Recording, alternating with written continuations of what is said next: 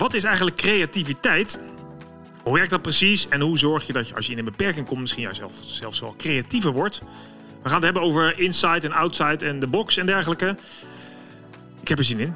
Leuk dat je weer luistert naar een podcast. Je geld en of je leven. Mijn naam is Michiel van Vught. En ik probeer telkens deze twee thema's, geld en het leven, bij elkaar te brengen. Zodat jij net een wat makkelijker leven kunt leiden. En vandaag gaan we het hebben meer in de levenkant. Deze podcast is mede mogelijk gemaakt door NNK Vermogensbeheer. Kijk op nnk.nl voor meer informatie. En vandaag bij mij te gast is uh, niemand minder. Hij zit aan de andere kant te wachten, zie ik. Rico Bakker. Rico, leuk dat je er bent weer. Yes, ja, leuk. Dankjewel, Michiel. Ja, en ik kan toch niet nalaten om even te melden. We hebben net een hele podcast opgenomen. Ik denk dat we 25 minuten op weg waren en toen crashte mijn hele systeem. En we gaan gewoon, uh, ja, was zo lief om te zeggen, joh, weet je wat, doen we het nog een keer. Dus uh, daarvoor ja. vast bedankt voor je creativiteit daarin. Flexibiliteit. Flexibiliteit, ja. Ja. ja, dus we gaan de podcast opnemen over creativiteit. Nou, um, sowieso een mooi onderwerp. we zitten op dit moment, als we dit opnemen, midden in de lockdown. Die wel verlengd gaat worden waarschijnlijk. En dat, uh, nou, dat vraagt ook wel creativiteit van mensen, vermoed ik. Zowel in het uh, werk, maar ook in het thuis onderwijs geven. Um, en we hadden uh, het eerdere gesprek dat we hadden, we gaan het natuurlijk niet helemaal kopiëren, want dat wordt een beetje gekunsteld. Maar vond ik het toch wel aardig. Jij vertelde een beetje hoe jij uh, als uh, basketballer, ondanks je ge, gelimiteerde lengte, je bent niet eens heel klein, maar in de basketbalwereld wel, wat creatief moest zijn ja. om toch bepaalde nou, punten te kunnen maken. Misschien daar even bij beginnen om weer het gesprek op gang te brengen. Ja, dat, doen. ja nee, ik, dat klopt, uh, Michiel. Ik ben, uh, nou, ik ben basketballer eigenlijk mijn, eigenlijk mijn hele leven geweest. Ik heb altijd wel nou, op een serieus niveau ook gebasketbald. Ik vond het ook hartstikke leuk. En nog steeds. En ik heb, ik heb eigenlijk altijd in teams gespeeld waar iedereen langer dan, dan ik was. Ik was altijd de kleinste. tot op een gegeven moment dat ik op, op volwassen niveau speelde. Dat je gewoon met een, een, in een team speelt van gemiddeld twee meter. En dan was ik 1,80. Dus kun je nagaan hoe lang die andere mannen waren om mij in, uh, mijn lengte te compenseren. En uh, nou ja, ik scoorde toch wel regelmatig dicht bij de basket. En uh, nou ja, dat is best lastig, omdat dicht bij de basket staan vaak die lange mannen. En ik weet niet of je weet wat een layup is, maar dat is dat je dus dicht bij de basket met twee stappen die bal af, afmaakt. En je wordt in basketbal geleerd om dat bijvoorbeeld aan de rechterkant met je rechterhand te doen en aan de linkerkant van de basket met je linkerhand. Nou, dat klinkt op zich al best logisch, maar er zit ook een gedachte achter, namelijk dat natuurlijk die verdediger aan de andere kant van, de, van, van jou staat. Dus dan creëer je meer afstand, kun je makkelijker die bal ja. eroverheen leggen zonder dat je geblokt wordt. Alleen, nou ja, als je dus echt wel een groot lengteverschil hebt, dan word je soms alsnog geblokt.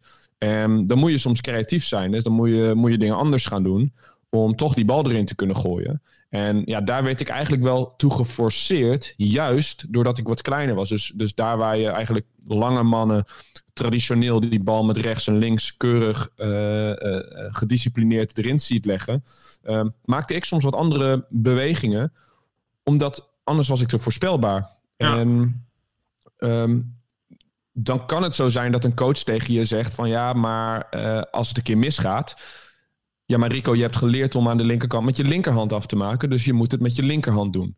En dat kan dan wel eens uh, uh, zorgen dat, ja, dat je die creativiteit eigenlijk weer de grond instampt. Uh, en dat mensen niet meer durven om dingen te proberen en, en te experimenteren. Omdat ze eigenlijk zich alleen maar houden aan hoe ze het geleerd hebben.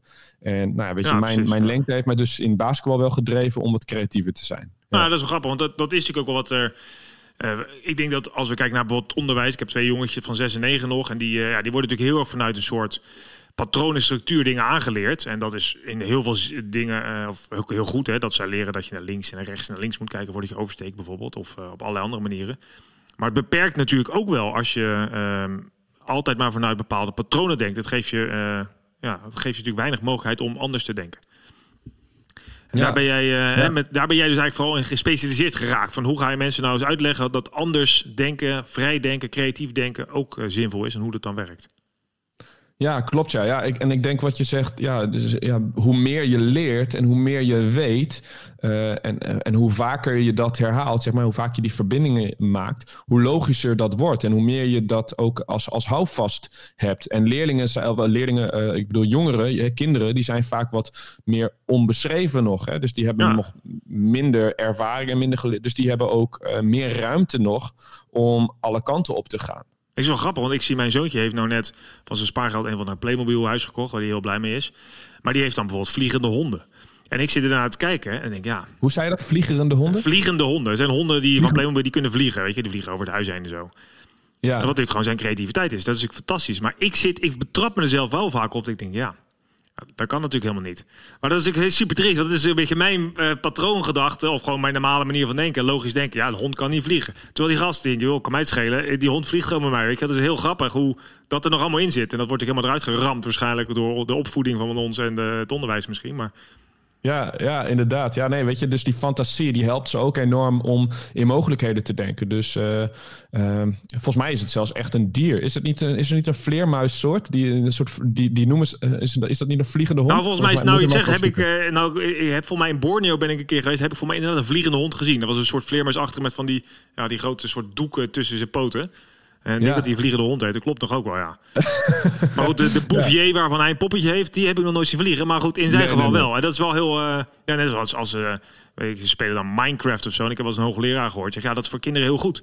Want dat stimuleert continu die creativiteit. Want ze mogen alles bouwen, ze mogen alles doen, weet je wel. En dat is eigenlijk, uh, het is niet zo erg dat gamen als ze dat bijvoorbeeld creatief doen. Ja. Ja, ja, ja, ja, nee, precies. Nee, de fantasie, hè? Ja, dat is eigenlijk hartstikke mooi, hè? Ja. ja. Ja, dus we hadden het, um, als je nou zo naar kijkt, hè, bijvoorbeeld, um, hoe zouden wij nou thuis, want wij hebben nu, zitten thuis aan het thuisonderwijs en dan uh, gaan we zitten, mooi op tijd, boekje erbij, pennetje in je rechterhand. En dan gaan we, gaan we die kinderen begeleiden met hun schoolwerk. Nou, wij zijn geen leraren, uh, merken we ook heel goed trouwens. Maar hoe zouden we dit nou eens toch, hè, kun je dus die casus voor ons doen, hoe kunnen we dit nou eens creatiever maken en daarmee misschien het, de gezelligheid hoger houden? Dat is ook belangrijk. En het resultaat misschien ook nog wel verbeteren?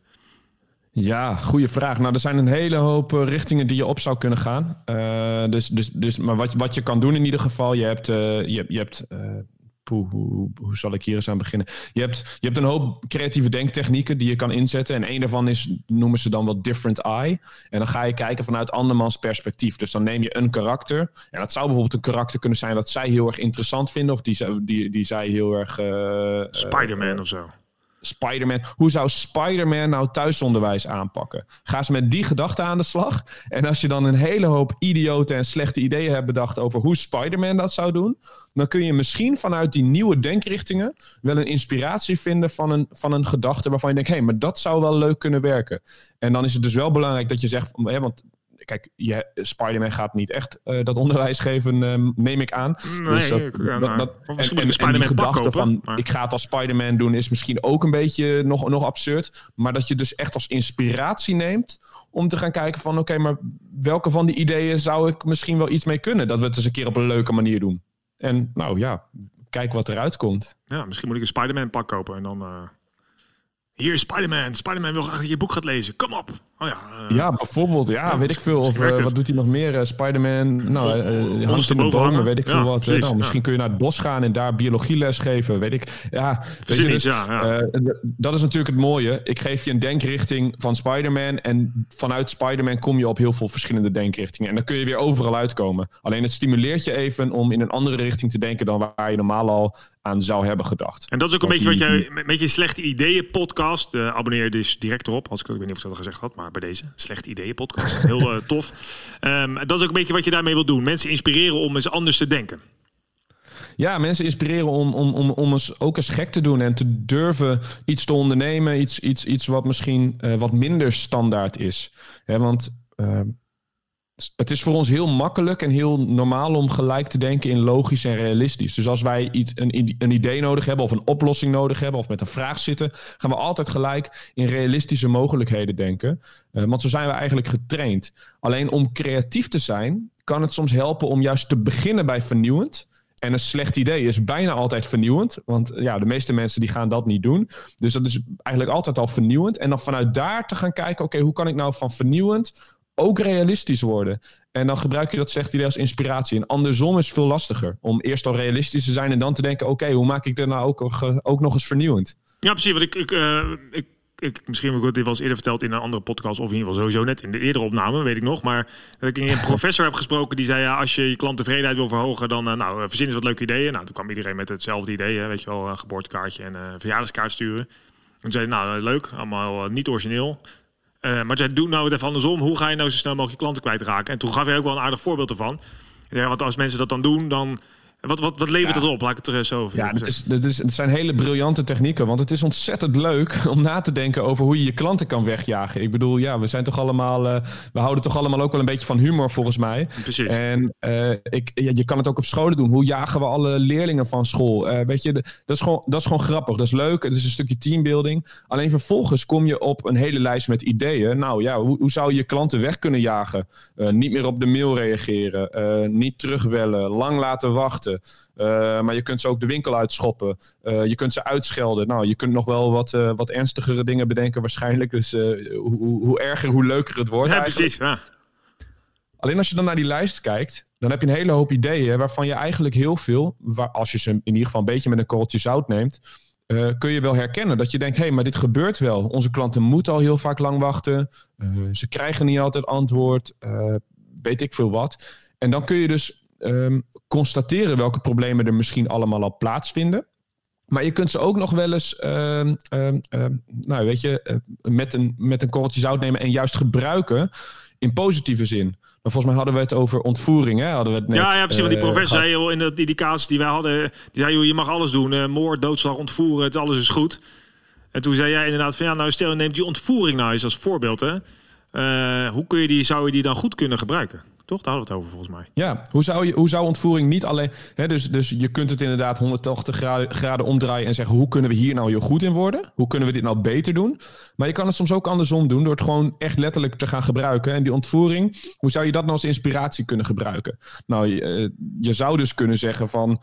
Ehm, ik ga naar het huis van de klant toe en uh, ik kom iets langsbrengen of iets dergelijks. Dat zou een inspiratie kunnen zijn die je kunt bedenken vanuit het idee van ontvoering. Of ik ga een grappig filmpje maken van dat we een klant ontvoeren. Weet je, dat je het als humor inzet. Dus dat zijn ideeën die bij mij opkomen. En bij jou komen ongetwijfeld ja, andere ideeën op. En op die manier bouw je dus nieuwe ideeën op vanuit een idee van een ontvoering. Wat je natuurlijk letterlijk niet gaat doen, want dat is gewoon echt een slecht idee. Nee, precies. Dat is een idee. Wat gaan we niet doen? Dat is geen tip. Niet doen. Maar uh, ja, precies. Het concept is wel aardig. Het, ik, ik had zelf met het Stockholm-syndroom kwam, zat ik in mijn hoofd. En dan uh, word je als uh, gegijzelde of ontvoerde, word je verliefd op je ontvoerder. Nou ja, dat is, dat is, dat is wel grappig. Want wij krijgen natuurlijk al twee verschillende associaties daarbij. En dat is ook misschien ook alweer de kracht van creativiteit als je het met elkaar erover hebt. Ja, ja, dus als jij met, uh, met z'n achter gaat zitten, um, dan, dan, dan heeft iedereen weer andere associaties. En dat is ook wel een beetje een, een, een misvatting, denk ik, over creativiteit. Dat je. Men heeft het vaak over originaliteit. Hè? En originaliteit is een, nou, is een beetje een lastig begrip. Van wanneer is een idee dan origineel? Want uh, de ideeën die ik bedenk, die bedenk ik ook vanuit een soort kader wat ik heb gecreëerd in mijn leven. Dus, dus kennis en, en ideeën die ik heb opgedaan, die komen uiteindelijk, uiteindelijk komt dit eruit. Maar het is eigenlijk nooit het werk van één persoon. Het, uh, als je dan kijkt naar uitvindingen van, van, van bijvoorbeeld de telefoon of de computer. Ja, dat is, de telefoon is echt niet door, door uh, meneer Bell helemaal zelf uitgevonden. Nee, Hij nee. heeft daar heel veel hulp bij gehad. En daarbij komt dat uh, bijvoorbeeld de telegraaf eerst uitgevonden is. En die technologie heeft hij weer toegepast in de telefonie. Uh, dus in welke mate is het dan eigendom? Hè? Oh, dus we hebben natuurlijk ja, allemaal. Uh, hoe, hoe, heet dat nou? Dat je dan aanvraagt. Ik ben de woord Patent of zo, of octrooi. Patent aanvraagt, inderdaad. Ja. Dus ze hebben allemaal patenten aangevraagd. Maar in feite is originaliteit is, een, is, een, is, een, is in die zin een heel bijzonder begrip. Want wanneer is iets origineel? Ja, het is eigenlijk een opeenstapeling van allemaal hele goede, of misschien slechte ideeën die goed bleken te werken uiteindelijk. Ja, en wat je dus ziet is, uh, als je dus kijkt naar, er is een theorie dat er eigenlijk altijd, op elk moment, een eindigheid is aan ideeën. Dus we zeggen wel eens, er is een oneindigheid aan ideeën, maar dat is dus niet zo. Er is een eindigheid aan ideeën, want ideeën zijn eigenlijk combinaties van andere ideeën. Dus stel je voor, uh, nou, de, de Poeh, mobiele telefoon uh, is, een, is een integratie van zowel een camera als een microfoon als een, een, telefoon. Weet je, dus die heeft allerlei ideeën bij elkaar gevoegd en dan heb je de smartphone. Dus het is een integratie. En er is altijd een eindigheid aan ideeën, want er is ook een eindigheid aan dingen die je bij elkaar kan voegen. Maar wat dus de, de gedachte is, en wat, wat ik echt super interessant vind, is dat het ook soort van onvermijdelijk is dat bepaalde ideeën bedacht worden. Dus Ja. De telefoon is uitgevonden. Maar op dezelfde dag dat die uh, Graham Bell, Alexander Graham Bell, dat hij de telefoon patent had ingediend, is er een ander patent op het toevallig hetzelfde kantoor in Washington ingediend door iemand anders met een bijna identieke technologie. En uiteindelijk zijn via rechtszaken en dergelijke, uh, uh, nou, heeft Graham Bell, Alexander Graham Bell heeft dat gewonnen. En die is er vandoor gegaan met de roem. Maar of het nou echt origineel is, ja, er moet gewoon iemand zijn die dat uiteindelijk bij elkaar brengt.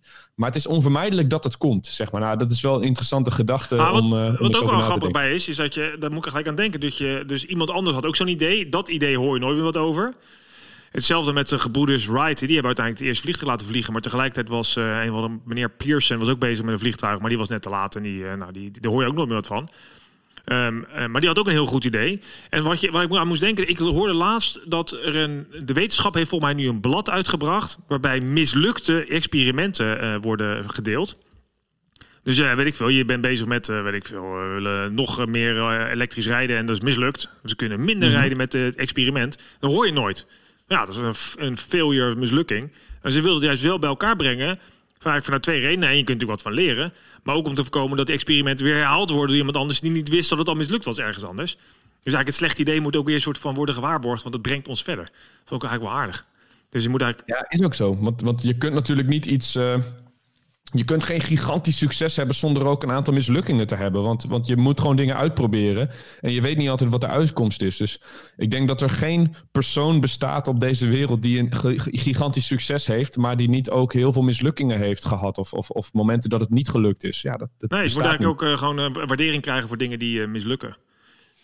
Ja, en dat is toch wel leuk trouwens. Jij noemt de, de gebroeders Wright. En die, uh, uh, die hadden ook dus heel veel concurrentie van mensen die eigenlijk veel meer geld hadden, veel ja. meer middelen hadden, uh, uh, veel meer expertise misschien zelfs wel uh, dan zij. En zij zijn uiteindelijk de eerste die het, die het gelukt is. En dat zegt ook natuurlijk wel weer iets over onze aannames dat als je heel erg veel kennis hebt en heel goed bent en heel veel resources hebt, dat dat heel erg helpt. Maar dat kan je dus ook best wel beperken. En dat heeft zich in de geschiedenis ook al vaker voor gedaan. Dat, er, uh, dat dingen mislukt zijn, juist omdat er te veel expertise aanwezig was. Omdat we te goed wisten wat wel kan, maar dus ook wat niet kan. En mensen die soms niet echt precies weten wat niet kan, die kunnen daardoor een manier vinden waardoor het wel kan. En nou, dat is natuurlijk. Uh, ja, dat word je dus toch niet door die. Word je dus niet beperkt door je eigen gedachten. En dat is eigenlijk wel dat je ze gewoon nog niet mee hebt gemaakt. Eigenlijk is ervaring natuurlijk ook, klinkt in de ene kant heel mooi. Aan de andere kant denk je, ja, maar dat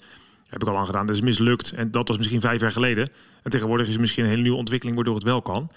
Dus uh, ja. niet, niet, gehinderd door enige kennis. is eigenlijk een hartstikke, hartstikke mooie toevoeging in je team misschien zelfs. Gewoon jonge mensen met andere ideeën, kinderen. Ja, Precies, absoluut. Alleen, dat is fantastisch. Kijk, als je. En je ziet ook dat heel veel organisaties daar behoefte aan hebben. Hè? Dus, uh, die willen een frisse wind en die willen jonge mensen aannemen. Ja, ja. ja, alleen je moet ze natuurlijk wel de ruimte geven en de ruimte bieden om er ook iets mee te doen. Want wat je natuurlijk heel vaak hoort in organisaties is: uh, dit doen we al jaren zo. Ja, dat gaat goed. Of, ja, precies. Uh, Geloof mij maar, dit werkt. Wat zei je? Geloof mij maar, dit werkt. Weet je, dat soort ja, dooddoeners. Of uh, dat hebben we al geprobeerd. Weet je, dat, dat soort ideeën. En dan, um, dan heeft die, die, nou dat is dan de expertise-mythe, noemen ze dat wel. Um, dan hebben die mensen die dus expertise hebben, of die al langer in het vak zitten, meer ervaring hebben, hebben vaak ook een stukje autoriteit. Ja. Wat over wicht heeft op die jonge mensen. En dan wordt dat een beetje ondergesneeuwd. Dus ik vind het super waardevol als je jonge mensen en, en, en mensen met een open blik in je organisatie laat. Maar gun ze dan ook die open blik. Dat is dan wel belangrijk. Ja, dat is wel leuk. Want wij hebben binnen NNK Vermogensbeheer, waar ik werk, die maakt deze podcast dus mogelijk, uh, hebben wij een ja. reversed mentoring groep. Dus we hebben een raad van advies. Dat zijn uh, wijze, oude uh, mensen. heel onaardig zeg maar, zijn toppers. Maar die helpen ons inderdaad met advies. Maar we hebben ook reverse mentoring. En dat betekent elke medewerker, elk kind van de medewerker die 18 plus is, komt in die groep. En die mag gewoon meedenken over alle onderwerpen die spelen bij uh, nou, het bedrijf waar papa en mama werken. En dat is hartstikke leuk. Ja. Uh, ja, briljant. Ja, het is hartstikke grappig. En dan krijg je inderdaad hele andere inzichten. En je merkt wel dat de schroom er een beetje af moet vaak. Want zijn ze, oh ja, dat is die, uh, de directeur. En dat vinden ze spannend of zo, weet je wel. Maar ja, het is toch wel heel, als ze loskomen, is het heel mooi. Heel blanco. Super. En, en wat levert het op? Levert het ook wel eens concreet een idee op waarvan jullie dan, uh, waar jullie mee aan de slag zijn gegaan? Nou, we zijn nu bezig met een uitwerkend idee wat ze hebben. Om te kijken hoe dat. Uh, daar gaan we ook, uh, worden ze ook in betrokken. Dus mogen ze ook mee. ja, dan moeten ze eigenlijk ook het idee verder uitwerken. Um, En dan, dat kan eigenlijk een beetje los naast het lopende bedrijf. Zeg, nou, hebben jullie een aantal ideeën, gaat dat dus uitwerken. En dus daar hebben we dan ook ruimte voor gemaakt om niet alleen maar een praatsessie te maken, maar ook om hun de ruimte te geven en te leren tegelijkertijd. Maar wij ook weer van hun te leren. Dus dat is wel leuk. Ja. Ja, ja, super. Vroeger werkte ik tussen, uh, op, het, op het vlak tussen uh, onderwijs en bedrijfsleven en overheid. En dan organiseerden we ook wel uh, bijeenkomsten en, en, en, evenementen voor loopbaanoriëntatie. Voor, voor, voor jongeren die dan nou, een, een profielkeuze moesten maken. En dan kwam er een bedrijf langs en die zei: Nou, we hebben hier een huis. Die is energielabel F gaan jullie maar bedenken hoe we er energielabel A van maken. Maak maar een tekening en bedenk maar wat. En dan kwamen ook de wildste ideeën. En, de, en, en misschien ook wel de slechtste ideeën kwamen, kwamen tevoorschijn. Maar soms ook dus ideeën waarvan ze zeiden van ja, maar nou, nou, misschien zit hier wel iets in. Dit is wel interessant om eens verder naar te kijken, weet je wel. Dus zo'n open blik die, ja, die, nou ja, eh, je, weet, je weet gewoon inderdaad niet wat de beperkingen zijn. En, en, en kinderen, jongeren, ja, mensen met minder ervaring zijn daar vaak, ja, die hebben gewoon vaak meer, uh, staan meer open nog. Ja, hey, misschien nog even tot slot, want we zijn toch al, en het loopt nog, ik ben, ik ben angst en beven naar mijn computer te kijken. Ik ben bang dat het weer vastloopt, maar het gaat goed. Dus. Maar over die beperkingen, dat is ook iets waar we nog heel even iets over kunnen zeggen misschien. Want jij zei juist vanuit beperkingen, je noemde het eigenlijk al met de Wright Brothers, maar vanuit beperkingen gedacht zul je, uh, zie je ook vaak dat mensen vaak uh, creatiever worden. Dus uh, kun je daar eens nog wat voor, een voorbeeld geven of uitleggen wat je daarmee bedoelde? Ja, zeker. Nou, kijk, als je nu kijkt naar, naar de crisis, is het natuurlijk een, een, een, een, een levend voorbeeld op dit moment. Uh, we worden enorm beperkt op dit moment. Hè? Iedereen. En, en met name, of ja, met name, ik weet niet of dat zo is, maar ondernemers worden uh, enorm beperkt. Uh, maar je ziet dat daardoor uh, nieuwe innovaties gepusht worden. En dit is dus een, een, een creatief denktool die ik in het verleden wel eens gebruikt heb. Wat als er een wereldwijde pandemie ontstaat. Of wat als er uh, landelijk de elektriciteit uh, uitvalt voor een week. Hoe zou je dan je business gaan, uh, nou, gaan runnen, zeg maar. En dan kom je dus op allerlei ideeën als bijvoorbeeld... nou, dan gaan we meer thuiswerken of dan doen we dag thuis. Weet je, dus dan ga je al... Het is nog redelijk veilig, maar dan, dan kom je dus op nieuwe ideeën. En je ziet dat dat nu enorm hard gegaan is. Je ziet dat de horeca nu allerlei uh, QR-codes op tafel heeft liggen. Uh, waarmee je snel en makkelijk kunt bestellen. Nou, ik vind dat fantastische innovatie. Waarvan ik denk, ja, weet je, dat, dat gaat blijven. Heel veel horeca heeft hier heel veel baat bij. Die denkt van ja, dit, dit is gewoon makkelijk. En voor mij als klant ook. Want ik hoef niet meer oogcontact te maken. Ik hoef niet meer te, te zoeken naar die, te zwaaien. Weet je, ik kan, ik, ik kan gewoon wanneer ik zin heb in een nieuw drankje, dan kan ik gewoon een drankje bestellen. En waarom niet en-en? Dus, dus het, het, biedt nieuwe mogelijkheden. En, en, en om nou, dus vanuit de beperking waar je, ja? hè, we zitten nu natuurlijk helemaal niet, maar op, het, inderdaad, op de terrassen zag je dan bijvoorbeeld die QR-codes inderdaad veel liggen. En dan kon je de menukaart zien en gelijk bestellen. Zelfs afrekenen volgens mij, wat ook misschien wel gunstig is voor de omzet uiteindelijk. Want dat je toch wat meer afrekent als je kleine stukjes doet. Maar dat zijn dan vanuit beperking ontstaat een creatief idee. Uit noodzaak zelfs, maar dat bleek, blijkt achteraf dan in één keer heel veel extra op te leveren. Ja, ja er ontstaat een urgentie uh, vanuit die beperking. En dat zie je ook als je bijvoorbeeld uh, kijkt naar ja, wanneer word je creatiever? Met meer tijd of met minder tijd? Ik geef je in mijn sessies, geef ik mensen altijd heel weinig tijd. Ik zeg, je hebt een minuut de tijd om zoveel mogelijk slechte ideeën te bedenken. En daarna geef ik je nog eens drie minuten om daar een goed idee van te maken. Nou, dan, dan, dan word je wel in een bepaalde stand gezet. Van oké, we moeten hier nu iets mee. En dan door die druk uh, ontstaat er iets. Um, met heel veel geld heb je heel veel mogelijkheden. Dus soms kan het ook, dus als ik jou zeg van, uh, um, uh, nou, de, ja, het is de podcast Je Geld of Je Leven, dus het is wel relevant, denk ik. Maar je, als ik in één keer nu een budget zou krijgen van 2 miljoen, hoe zou ik het dan aanpakken? Dan kan ik in één keer heel ruim denken en dan kan ik zeggen: Oké, maar hoe kan ik datzelfde ook doen met weinig geld? Dat is een manier. Ja. Maar je kan ook inderdaad kijken van: Oké, met heel weinig geld of met geen geld, hoe zou je het dan aanpakken? En dat maakt je dus ook creatief. Op het moment dat je gewoon weinig budget hebt, dan moet je namelijk wel creatief zijn. Want ja, je hebt niet alle middelen en mogelijkheden om alles maar in te kopen. Ja, en die dus- beperkingen zijn dus niet alleen in geld. Want ik zit aan mijn kinderen denken met het huiswerk. We kunnen ook zeggen, we, we, we moeten, hoe gaan we in een uur al het huiswerk maken, bijvoorbeeld? Of hoe gaan we aan één klein tafeltje met z'n allen het huiswerk maken? Je kan natuurlijk die beperking heel erg ook weer creatief inzetten om daarmee het, het proces te, uh, op gang te krijgen. Ik zou het dus doen. Ik zou gewoon eens vragen aan je kinderen. Hoe zouden we ervoor kunnen zorgen dat we, dat we je huiswerk in een uur af hebben? Ja, je weet niet wat eruit komt. Misschien wel helemaal niks. Ja, weet je, dus...